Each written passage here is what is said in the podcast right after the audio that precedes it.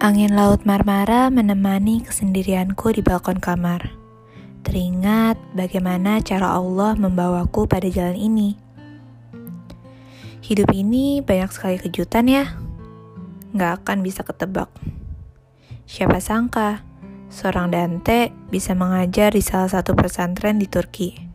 Bisa lebih dekat dengan Allah tanpa paksaan, belajar ilmu agama gratis, menyempurnakan hijab, mengasah bahasa Arab, berbagi ilmu dengan anak-anak. Dan aku belajar banyak hal baru di sini yang belum tentu aku akan dapatkan jika semua sesuai dengan apa yang aku inginkan, bukan apa yang aku butuhkan. Masa-masa menjadi mahasiswa tingkat akhir adalah masa yang termasuk sulit untukku. Gak ada kata main-main lagi, atau males-malesan. Kalau kita menginginkan sesuatu, pastikan kita harus berkorban untuk apa yang kita capai. Target dan tujuan harus wajib kudu ada agar tidak terdistract dengan hal-hal yang mengganggu. Aku lihat beberapa teman-temanku juga melakukan hal yang sama. Tapi ada sih yang masih terjerat cerita cinta masa kuliah atau terlena oleh nyamannya lingkungan kampus. Di umurku yang hampir 22 ini, memang sedang masa-masanya seseorang mengalami quarter life crisis yang tidak jarang membuat seseorang mempertanyakan tujuan dan arah hidup yang sedang dijalani. Aku termasuk orang yang merasakannya, dan ketika aku sadar apa yang harus aku lakukan, apa yang harus aku tuju, itu memberikanku kesimpulan bahwa aku harus lulus dengan cepat. Dan alhamdulillah, semua bukan hanya sekedar kata-kata atau angan-angan belaka.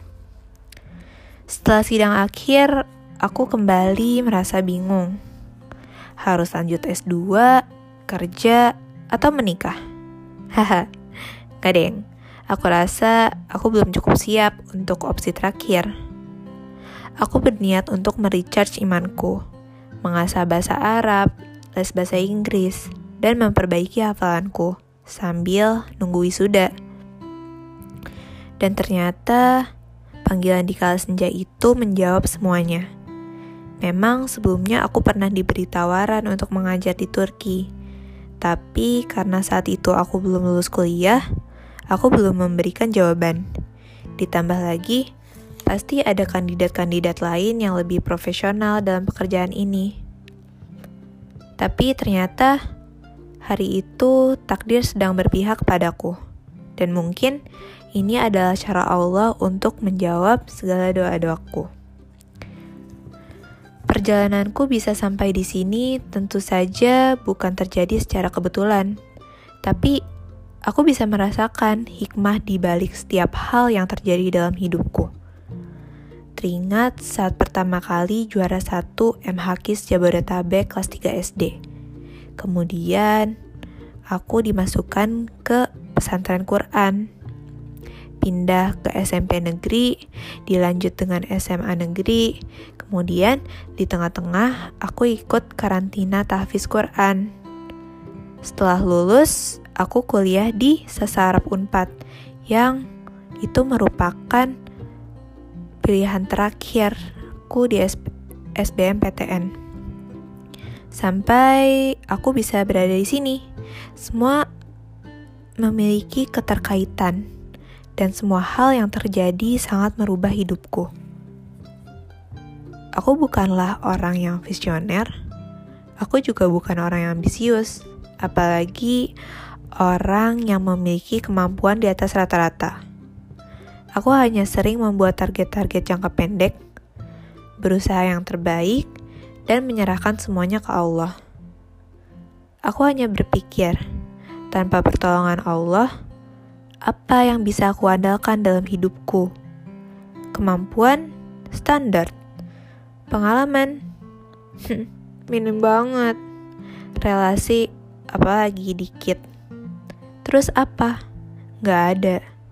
Cuman Allah aja yang bisa aku andalkan. Karena Gak ada yang gak mungkin buat Allah untuk merubah sesuatu. Aku percaya setiap doa yang diiringi dengan niat yang baik pasti akan terkabul. Dan percayalah, aku sudah sangat merasakannya. Pada hakikatnya, dalam hidup kita semua sudah dituliskan di lauh mahfuz.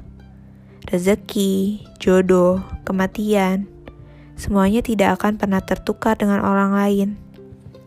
So, untuk kalian yang sedang merasa cemas atau khawatir tentang masa depan kalian, kalian kuliah di mana, kerja apa, jodohnya siapa, dan bagaimana kehidupan saat kalian tua nanti. Janganlah kalian merasa khawatir dengan apa yang belum terjadi dalam hidup kalian. Berusaha yang terbaik dan berbaik sangkalah kepada Allah, karena Allah sesuai dengan prasangka hambanya. Dan untuk kalian yang sedang lelah berjuang, sedang merasa gagal menjalani hidup, atau sedang merasa kecewa dengan hasil yang dicapai, percayalah, semua punya jalannya masing-masing untuk bersinar. Jadi, Tetap semangat ya. See ya.